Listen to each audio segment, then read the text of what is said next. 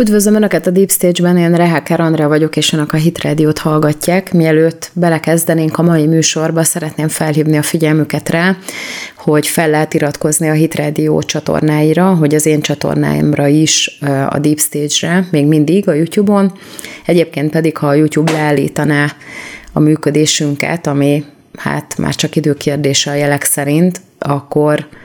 dolgoznak a kollégák egy olyan megoldáson, ami akkor is elérhető lesz az önök számára, ha már a YouTube nem támogat minket.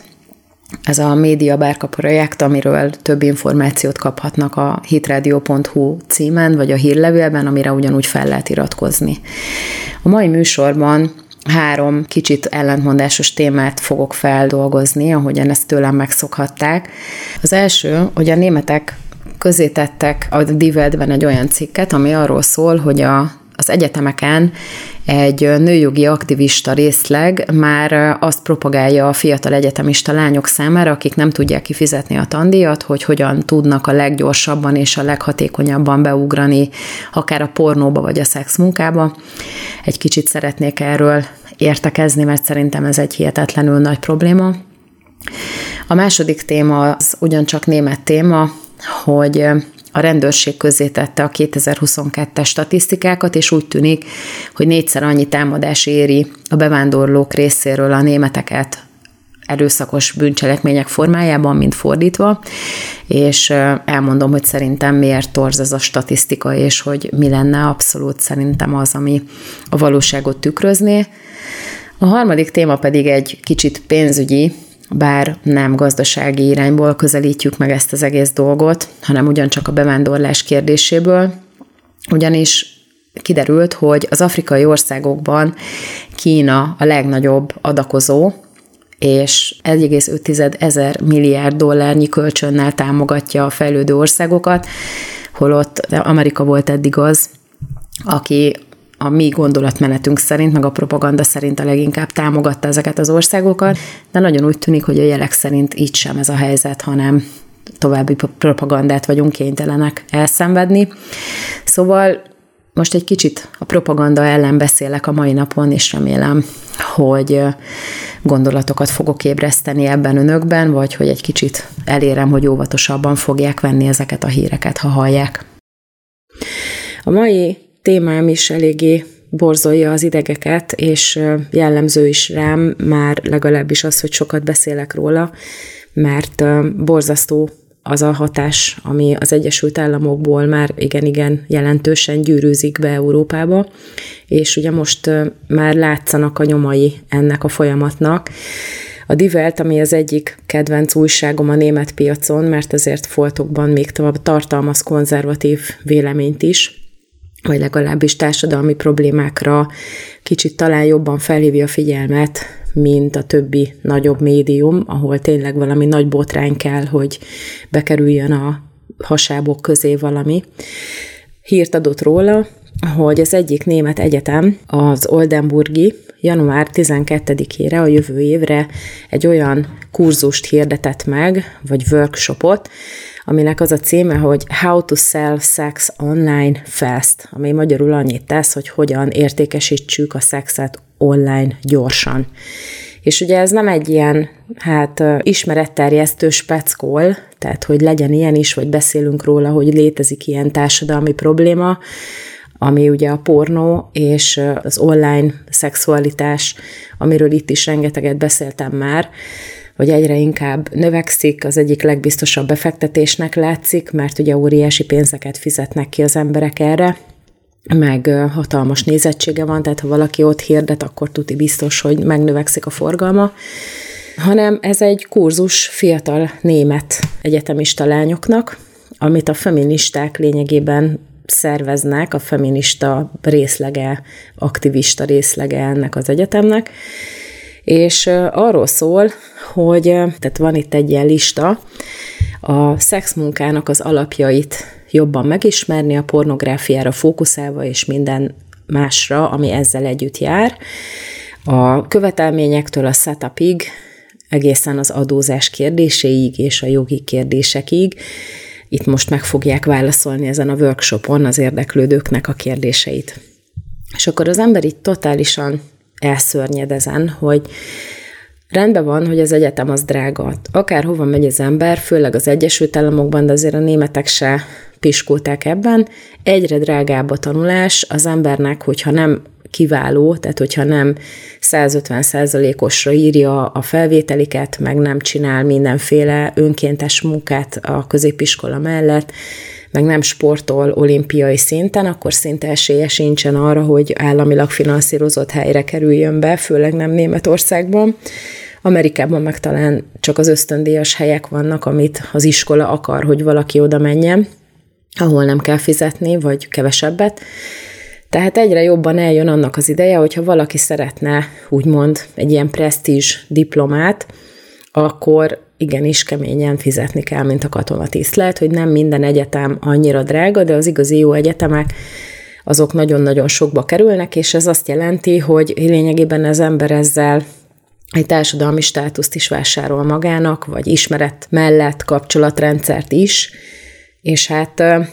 ezt nem mindenki engedheti meg magának, főleg úgy, hogyha most emellé oda tesszük a egymást érő válságokat, meg a háborút, az, hogy az embereknek a vagyona inflálódik egy ilyen menedékszállóval, amit az ember ingatlan a mellé felhúz az állam, azzal van lényegében az összes értéket elveszi abból az ingatlanból. Tehát van egy csomó olyan faktor, ami miatt egyre nehezebb, úgymond stabil egzisztenciát építeni és fenntartani, és emiatt van, hogy az égeneráció sok legnagyobb része, vagy nagyon sokan könnyítés miatt inkább visszaköltöznek a szülőkhöz, mert ott még van nyoma annak, hogy valamiféle vagyont fel lehet halmozni,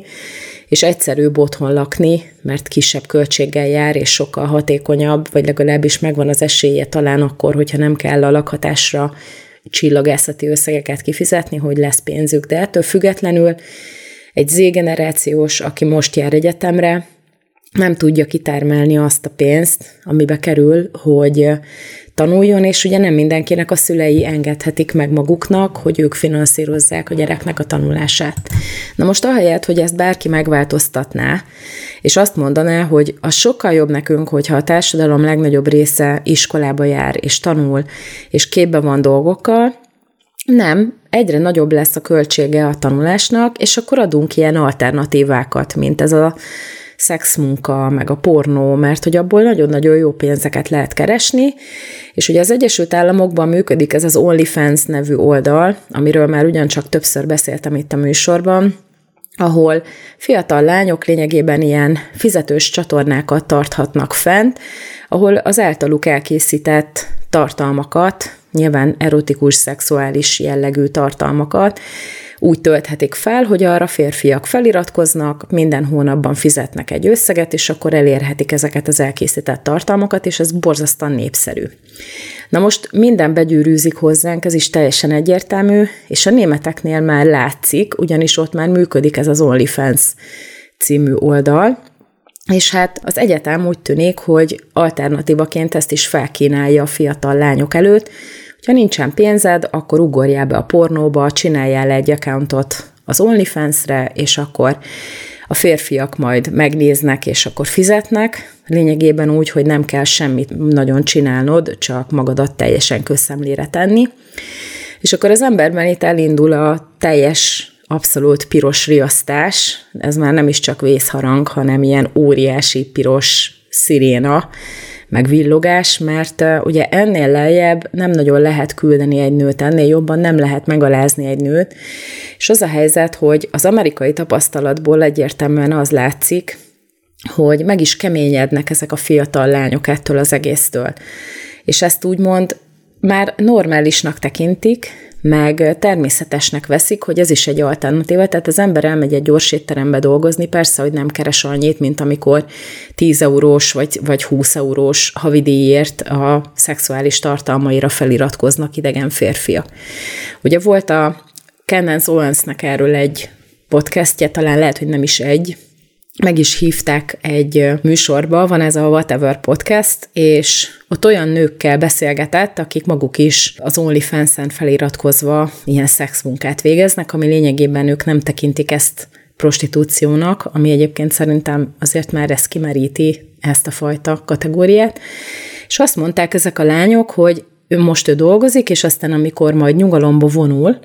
akkor utána majd lesz családja, meg férje, meg majd családot alapítanak, gyereket vállalnak, és így tovább. És akkor a Candace Owens megpróbálta felhívni a figyelmüket rá,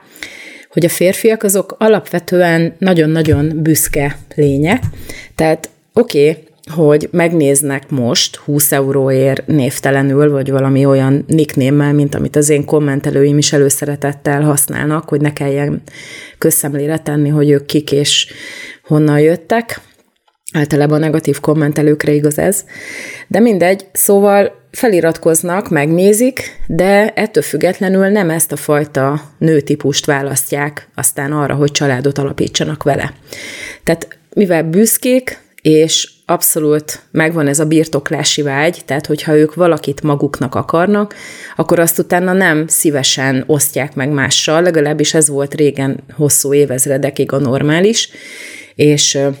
ebben a férfiak nagyon is problémákat véltek felfedezni, hogyha egy nő elérhető volt mások számára is, tehát nem nézték erkölcsileg semmibe az olyan nőket, eljártak hozzá, meg igénybe vették a szolgáltatásaikat, de azért nem ezekkel alapítottak családot, hanem jó házból származó, tisztes, olyan, háttérrel rendelkező hölgyekkel, akikkel utána a társaságba lehetett menni anélkül, hogy még 20 vagy 30 férfi felismerte volna őket, hogy ja, én már láttam ezeket mesztelenül. Szóval az a helyzet, hogy elvetik nagyon a súlykot, vagy legalábbis nem értik, hogy ezeknek a dolgoknak van egy nagyon erős morális, meg egy nagyon erős szellemi vetülete is. De ugye ebbe a nagy nihilbe, itt Európában a görög filozófiának köszönhetően ugye a materializmus az teljes egészében az uralkodó ideológia nálunk, teljesen mindegy, hogy milyen köntösbe van bújtatva, és ezért senki nem gondolja végig, hogy ennek milyen szellemi vetülete van, vagy legalábbis lelki erkölcsi vetület is társul hozzá, és hát arra se, abba se gondolnak bele, hogy ez nem egy olyan munka, mint amikor az ember bemegy a McDonald'sba. Tehát amikor valaki beugrik a pornóba, ott azért idegen emberek előtt olyan dolgokat kell csinálni, ami senkire nem tartozik elvileg, csak az embernek a házastársára. És most én itt egy, mondok egy keményet, még élettársi kapcsolatban is szerintem illegális a szexuális élet,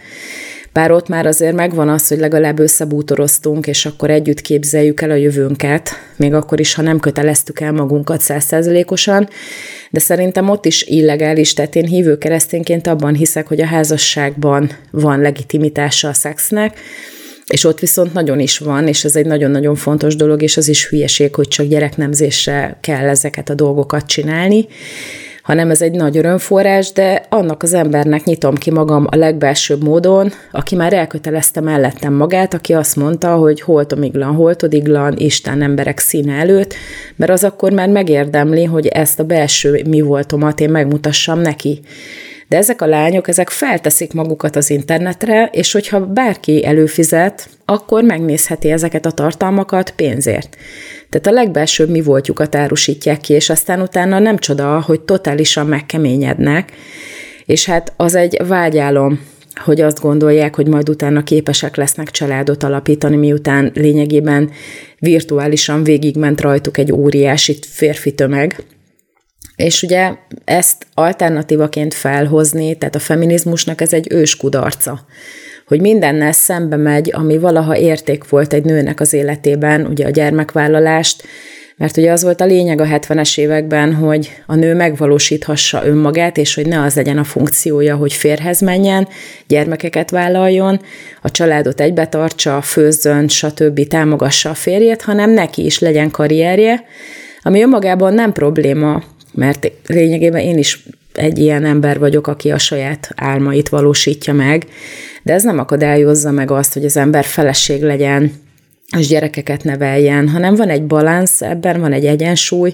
ahol az ember a helyén kezeli a munkát, meg a helyén kezeli a feladatait, meg az álmait, és prioritást élvez a férfi, prioritást élvez a háztartás, prioritást élveznek a gyerekek mindenek előtt, és ha marad idő, akkor az ember utána szórakozik a többivel.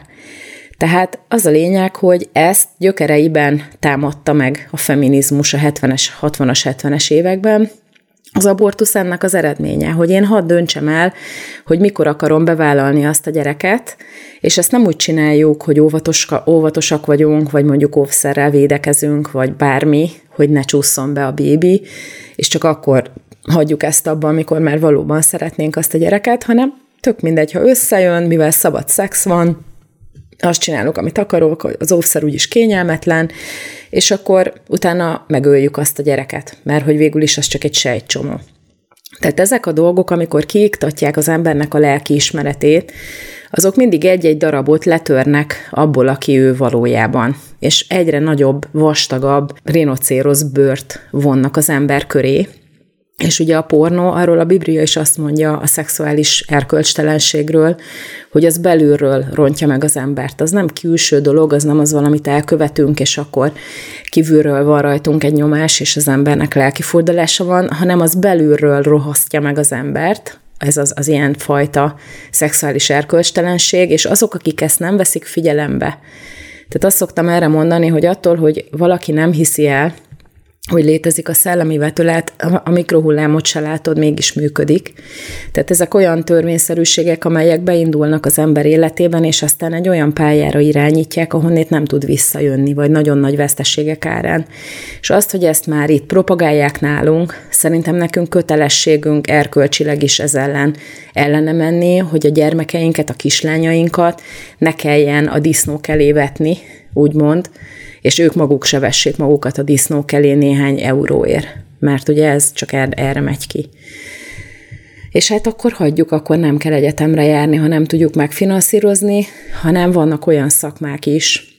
amihez nem kell egyetemi végzettség, és mégis nagyon kiemelkedően, kimagaslóan lehet benne teljesíteni. A mai témám is ilyen ellentmondásos kérdés, és egyébként ez egy veszőparipa nálam, viszont szerintem nagyon érdekes, és muszáj beszélni róla, hogy az emberek értsék, hogy miről is van szó, mert a jelen pillanatban Izrael és Gáza között zajló konfliktusban is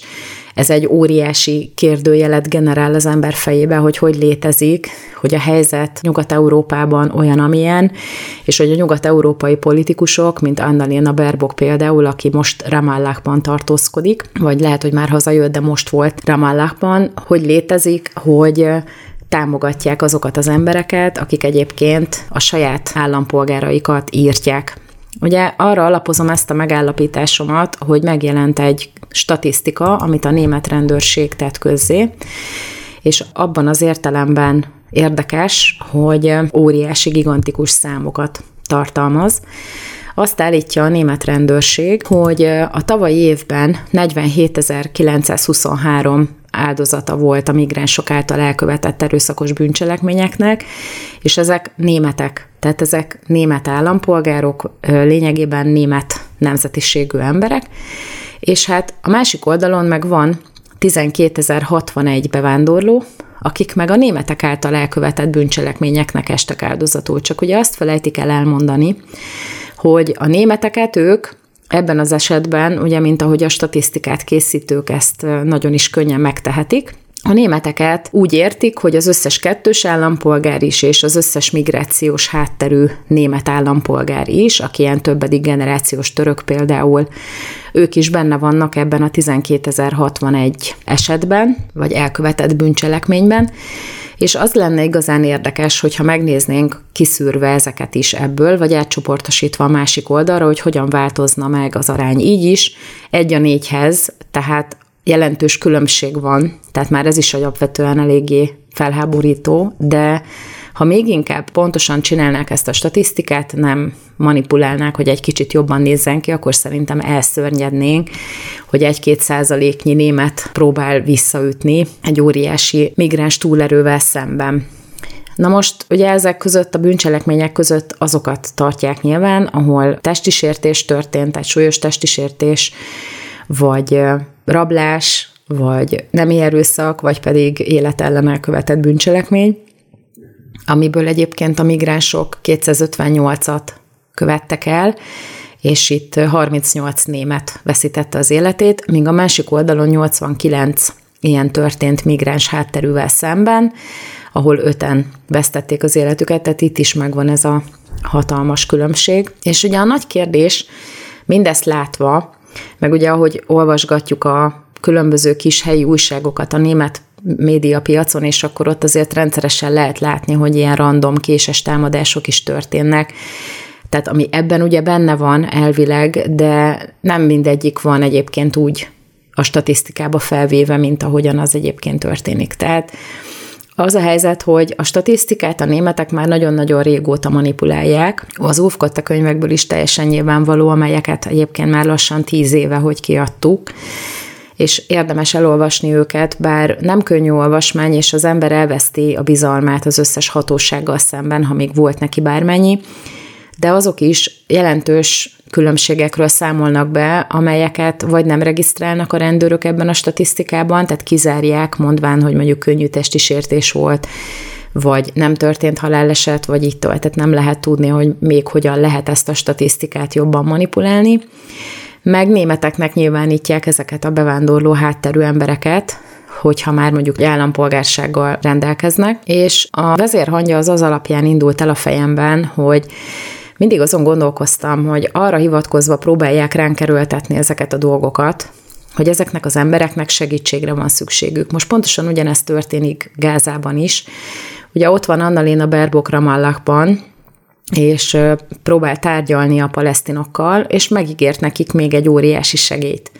Akkor mellette viszont a Bild DE az megjelentett egy riportot arról, hogy a Hamasnak a vezetői a legnagyobb elképzelhető luxusban tengetik a napjaikat Dubájban, míg az emberek egyébként éheznek, és az Izrael által szolgáltatott élelmiszersegélyek, víz és áram az, ami életben tartja őket, és ugye az, hogy üzemanyagot kapnak-e Izraeltől, az lényegében attól függ, hogy visszadnak-e túszokat, de a saját vezetőik azok nincsenek ott, hanem ilyen operatív irányítók vannak. A Hamasnak a vezetői azok Dubájból, a TikTokon osztják az észt. Ugye a múltkor láttunk egy ilyet, ahol Ismail Hanie, a Hamas egyik szóvivője,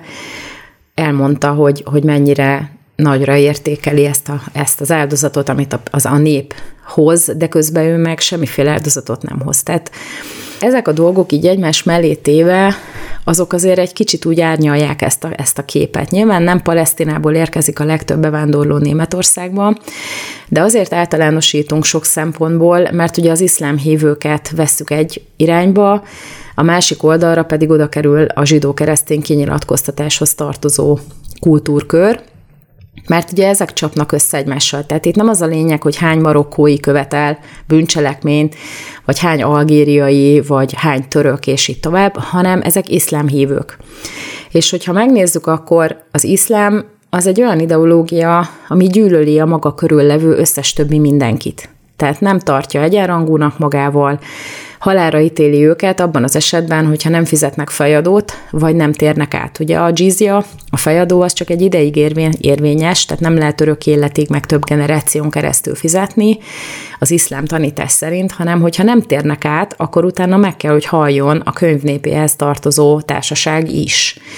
Tehát az, hogy most nem látjuk, hogy, hogy a legnagyobb része a Nyugat-Európában élő iszlám hívőknek ilyen nagyon radikálisan gyakorolná a saját vallását, ez nem jelenti azt, hogy ebben nincsen meg ez a potenciál. És ugye most a Diveltben is megjelent egy cikk, ami megint egy ilyen őrült propaganda, szóval meg kell, hogy mondjam, hogy a Divelt az egyébként általam kedvelt azért, mert van benne néha olyan anyag is, ami egyébként szerintem fontos és érdemes róla beszélni, meg kritikus, de amit most kiraktak, az számomra egy ilyen totális propaganda. Ugye bemutatnak egy női imámot Berlinből, aki arról számol be ilyen teljesen halára vált arccal, hogy az ő mecsetéhez tartozó hívők, azok folyamatosan írkálnak neki, hogy már ezt a dzsihád dumát nem bírják elviselni. És akkor ez egy liberális nőjogi aktivista, ugye női imám, ami alapvetően lehetetlen az iszlámban, ilyen nincsen az iszlámban, mert hogyha innen nézzük, tehát nyugodtan utána lehet nézni, nők nem lehetnek vallási vezetők az iszlámban. A nő az autót se vezethet, semmi funkciót nem vállalhat, nem hogy politikai témát. És akkor ez a nő egyébként jogász, mellette, hogy ugye ebben a liberális mecsetben ott ő imám, és akkor megy a propaganda, hogy a szerencsétlen békét követelő muszlimok, azok már nem bírják elviselni ezt a vérgőzős, dzsihádos retorikát, és akkor az ember így végig gondolja, hogy, hogy a sok hülye német, már bocsánat a kifejezésért, alig várja, hogy dobjanak neki egy ilyen megnyugtató gumicsontot, amire lehet majd hivatkozni, hogy igen, igen, nézd meg, itt Berlinben egy csomó mindenkinek már totál elege van, tele van a hócipője ezzel a dzsihadista szöveggel, és ez a nő, ez meg mindent megtesz, hogy erről mindenki értesüljön, de az a helyzet, hogy ez egy maszlag, ez propaganda. Az iszlám az egy olyan ideológia, aminek a lételeme az, hogy a más vallások, más ideológiák, más népek ellen harcolni kell, azokat le kell igázni, és a mi vallásunkat a legmesszebb menőkig mindenkire rá kell kényszeríteni, aki nem hajlandó áttérni, azt meg kell ölni. És ugye ez nem fér össze azzal a kicsit ilyen idióta, nyelcsorgató, békevágy iszlámmal, amit próbálnak elénk tárni. Ez az egész arra megy ki a divetben, hogy megnyugtassa a németeket, hogy nem kell annyira félni ettől a sok migránstól. Igaz, hogy 50 ezer embert megtámadtak tavaly, de hát, sorry, ti is megtámadtatok 12 ezer migránst. Csak ugye nem szól arról a fáma, hogy ezt a 12 ezeret, ezt vajon hány saját nemzettársa támadta meg, akinek már sikerült megszerezni a német állampolgárságot. És akkor ezek, akik számára a német polgár az egy adófizető, azok a szociális juttatások, amelyeket kapnak, azok mind a dzsízját jelentik. Tehát, hogyha valaki megint oda kommentel a videó alá, hogy alapvetően az egész iszlám világra vetítve ki van egyenlítve a nők férfiak aránya, a négy feleség az, az hülyeség, akkor el kell, hogy mondjam, hogy én Németországról, meg az európai államokról beszélek, és nem általánosságban az iszlámról. Ugyanis Németországban megéri négy feleséget tartani, amiből egy legális, három pedig elvileg csak a vallási ideológia alapján a felesége, mert hogy jár utánuk a segély. És ugye ezt ők nemhogy úgymond hálásan tudomásul veszik, hanem ez jár nekik, ezt megkövetelik. És ugye, hogyha abba is belegondolunk, hogy mondjuk volt nálunk a délszláv válság annak idején, én emlékszem rá, hogy tömegével jöttek a, az idősek, a gyerekek, nagyon sokan voltak, akik menekültek valóban. És ugye ezek az emberek, ezek nem követelőztek, ezek minden segítséget elfogadtak, mindenért hálásak voltak, és a legelső adandó alkalommal hazamentek. Itt meg van egy csomó arrogáns, követelőző, agresszív idegen, aki úgy tekinti a németeket, mint akik már tök fölöslegesek, igazából arra tartjuk őket, most nagyon csúnyán fogalmazva, hogy megtermeljék a bevételünket, hogy nekünk ne kelljen dolgozni, és akkor, hogyha nem, ha nem térnek át, akkor megöljük őket. És hogyha erkölcstelenséget látunk, akkor leszúrjuk őket, mert hogy ez az iszlám ezt tiltja. És hát ez az, ami, ez a realitás, amivel szembenézünk, nem az, hogy a békevágy az mennyire nagy ezekben a muzulmánokban. Én elhiszem, hogy egyébként nagyon sokan nem akarnak véres háborúba kezdeni, és nem mindenki radikális. Ezt is ki kell, hogy jelentsem. Viszont aki nem radikális az iszlám ismeretében, az nem gyakorolja a vallást úgy, ahogyan azt megköveteli tőle az iszlám. Tehát nem elkötelezett hanem ez csak egy olyan, mint amikor valaki a tagja, tagja egy történelmi egyháznak, de soha az életbe be nem teszi a lábát a templomba, karácsony meg húsvét kivételével, de hozzá tartozik úgymond a valláshoz, és azért vannak bizonyos dolgok, amiket ennek egy, ezzel egy vonalban úgy, úgy csinál, de alapvetően totál mindegy neki, hogy most ő tagja vagy nem tagja ennek a felekezetnek. Tehát a, a békés iszlám hívő az kvázi ilyen mert ők egymás között békések. Most ugye meg lehet nézni, hogy milyen hatalmas gyűlölet van a más vallás, meg a más nép iránt bennük, és ugye ne essünk abba a hibába, hogy mi is engedünk ennek a gyűlöletnek. Ez egy zsákutca. És akkor oda megy Annalena Berbok Ramallakba, és elmondja, hogy akkor megháromszorozzuk a támogatást a palesztinok számára, amit egyébként csak a nép fog megkapni. Tehát ez a legnagyobb szemétség az egészben, hogy a humanitárius segítséget nem a palesztin nép kapja meg, hanem odaadják a Hamasznak, valaki megkapja ezt az óriási pénzt, és mind szépen megy Dubájba, meg ide-oda, ahol élnek ezek a hamaszos vezetők, és ők, az ő vagyonuk gyarapszik tőle, azok, akik meg ott szenvednek jelen pillanatban a gázai övezetben, azok meg pusztuljanak el és akkor mindent ráfogunk a zsidókra, mert azok a mocskok. de közben a saját vezetőik csinálják ezt. És annak idején, amikor ugye létrejött Izrael állama, akkor is a saját vezetőik vették rá az ott élő arabokat, hogy menjenek el. Elmentek egy kicsit, addig rendet rakunk, kinyírunk minden zsidót, visszajöttök, tietek lesz a zsákmány. Csak utána nem tudtak visszajönni, mert hogy azt mindenki egy kicsit figyelmen kívül hagyja, hogy a zsidó az az Isten kiválasztott népe. És akkor is, hogyha gyűlöljük őket szívből, mert mondjuk a mi felekezetünk az azt tanítja, hogy Izraelt elvetette Isten, az egyáltalán attól még így van, hogy a zsidó az Isten kiválasztott népe, és lehet, hogy a Bibliát kéne egy kicsit odaadóbban, meg mélyrehatóbban tanulmányozni, és akkor rájönnének, hogy egy felekezeti tanítás ez lehet, hogy nem teljesen igei, és nem kellene erre alapozva ilyen hihetetlen gyűlöletet mutatni, hanem lehet, hogy empátiát kéne mutatni. Szóval azok az emberek, akik a németeknek a vezetői, akiket úgymond választ a német polgár, hogy majd őt képviselik, azok egyáltalán nem képviselik a németeket, hanem a németek nagyon szorgalmasan megszerzett jövedelméből, kifizetett adójából, a palesztinokat támogatják, akik ugyanannak az ideológiának a követői, akik a németeket a saját otthonukban lényegében random folyamatosan megtámadják, állandóan veszélyben tartják,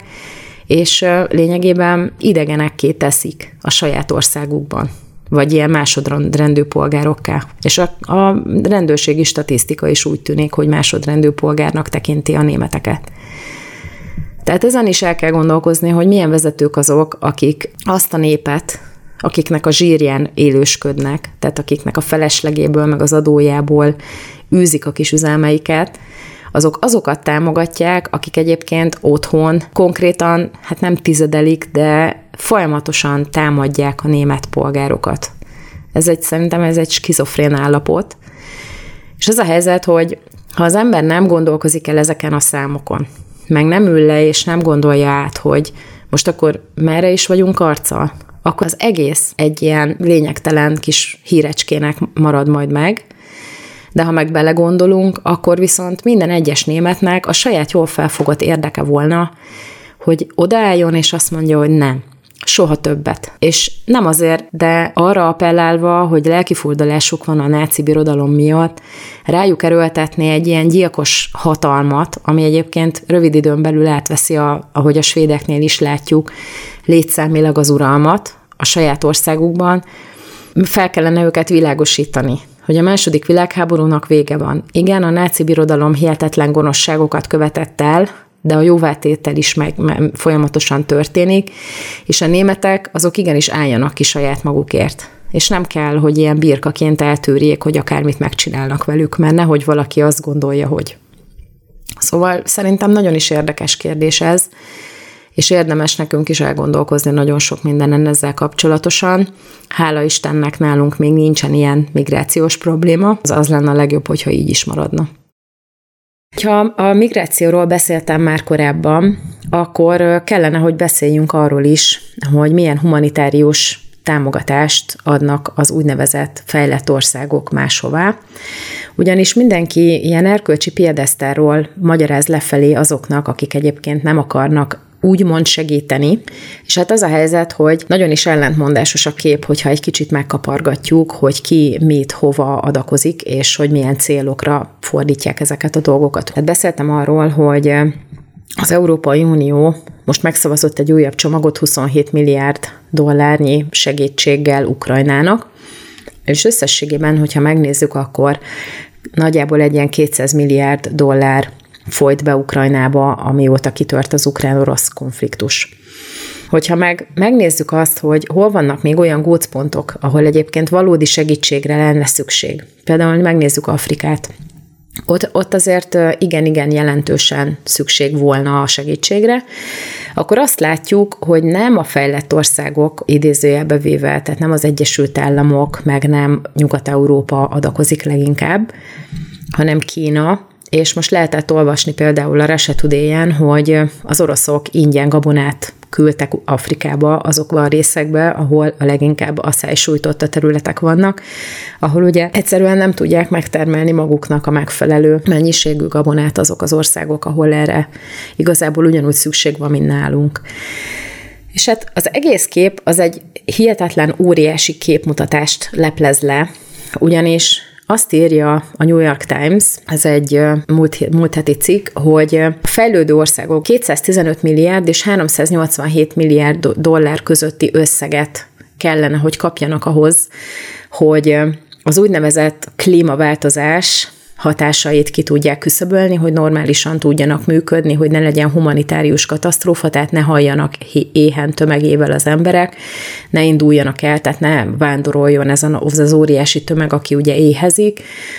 meg hogy lehessen olyan óvintézkedéseket tenni mondjuk infrastruktúrális témákban, amelyek segítenek abban, hogy ki tudják küszöbölni a klímaváltozásnak a hatásait. Na most, hogyha megnézzük, hogy mondjuk 2021-ben az Egyesült Államok 129 millió dollárt fizetett ki ezeknek a fejlődő országoknak, a, a klímaváltozásra tekintettel úgymond. 2020-ban 245 245 milliót, tehát nem milliárdot, hanem milliót, akkor látszik, hogy itt ilyen 40-50 százalékos csökkenés van folyamatosan, és ráadásul már az sem volt elég, amit egyébként adtak. És akkor a mellé tesszük, hogy Kína viszont úgymond Afrikában a legnagyobb donorrá avanzsál, tehát a legnagyobb adakozóvá, mert ugye 1,3 nem is 1,5 ezer milliárd dollárt adott kölcsön, ugye ez nem segély, hanem ez kölcsön a fejlődő országoknak, tehát így kázi, kázi Afrikában.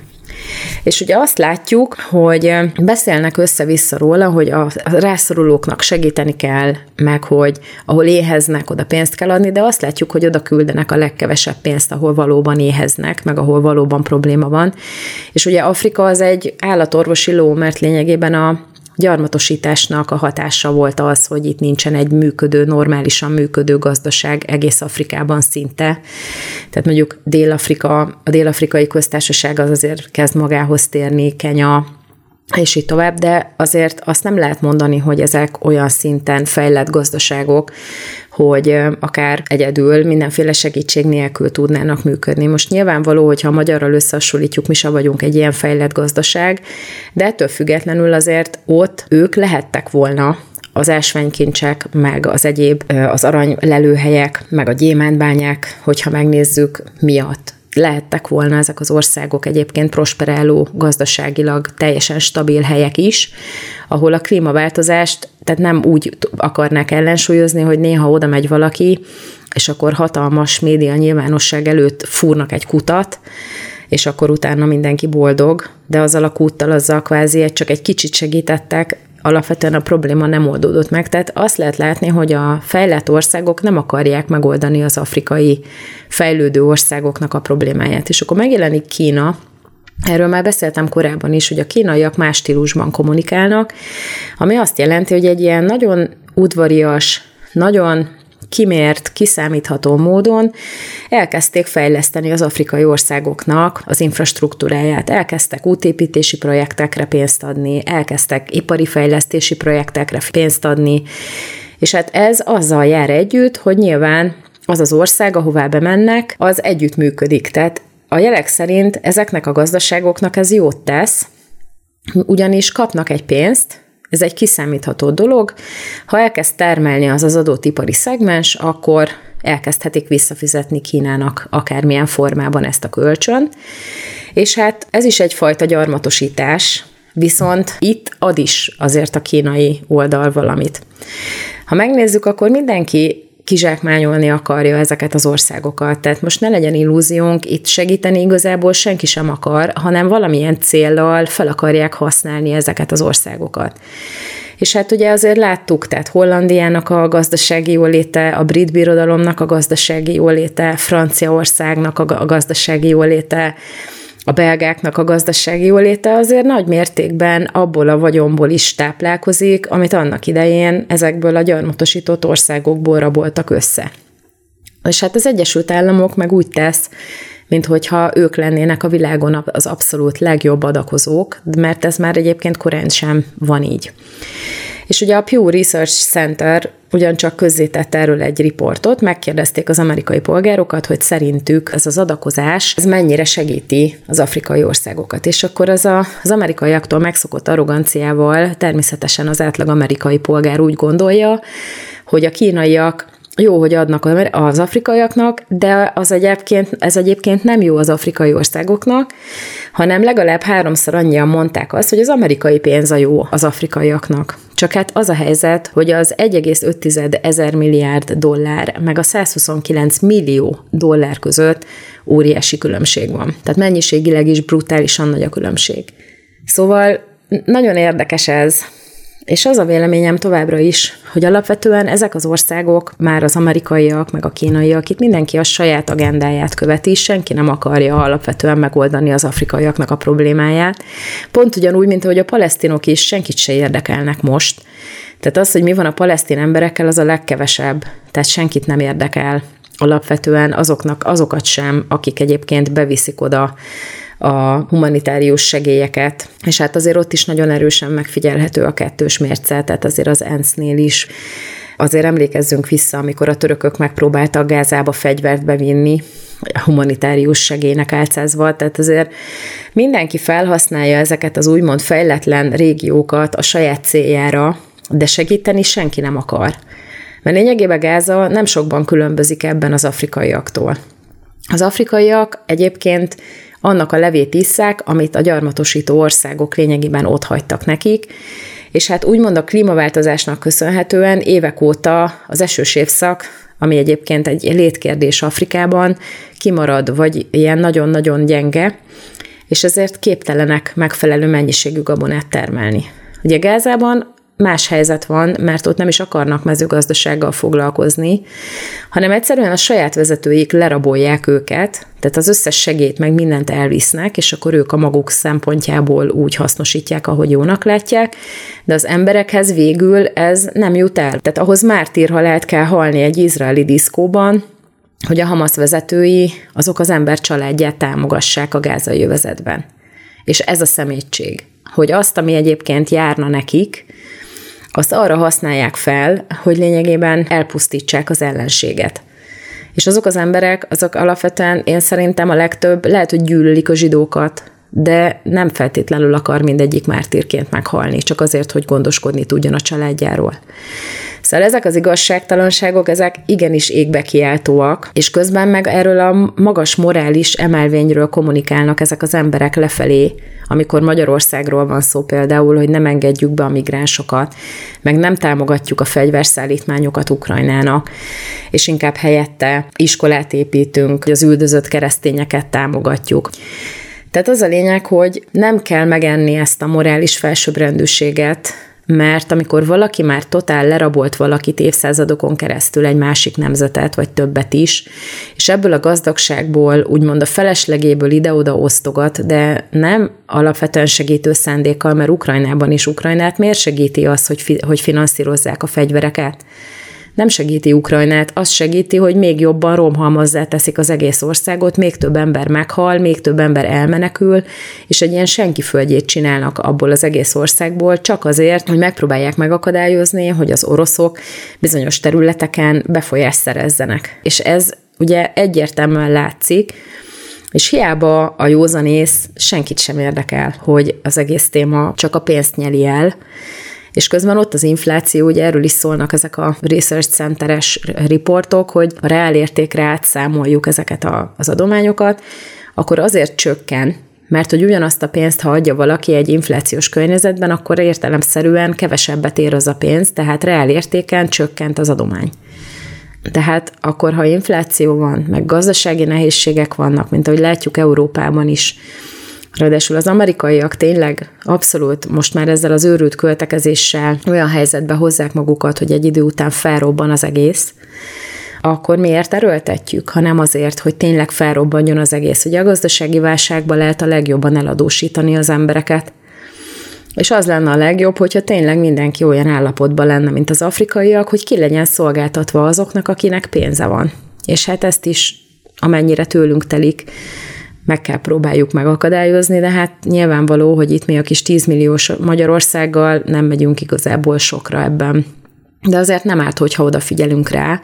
és nem árt, hogyha realisztikusak vagyunk ebben. Tehát az ENSZ a legnagyobb sóhivatal a világon. Például most ugye kiderült, hogy lenne neki egyébként hozzáférése az izraeli túszokhoz, de derogált neki oda menni. Senkit nem érdekelt az ensz hogy az izraeli túszok, akik közül már szerintem nagyon sokan nem élnek, mert ugye a túszt azért ejtik, hogy valamit kérjenek cserébe,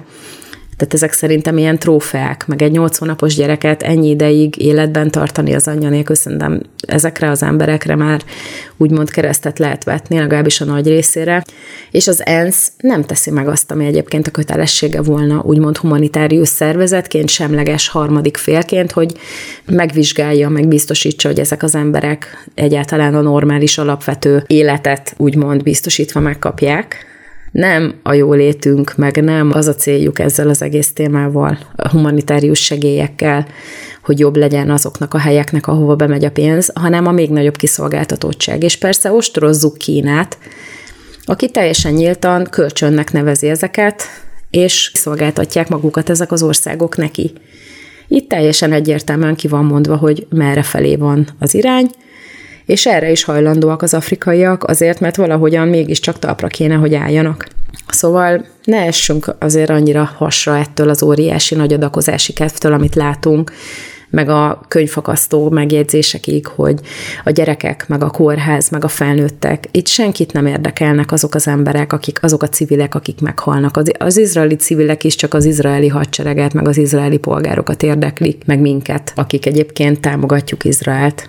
senkit nem érdekelnek ezek a világon, hanem egyszerűen itt a hatalom és a befolyás az, ami a kérdés, kinek a kezében van a gyeplő, és ki kinek van kiszolgáltatva vagy lekötelezve. Tehát ne, ne együk meg a maszlagot, meg a propagandát. Én nagyon köszönöm, hogy meghallgattak, és vigyázzanak magukra. Minden jót a viszonthallásra.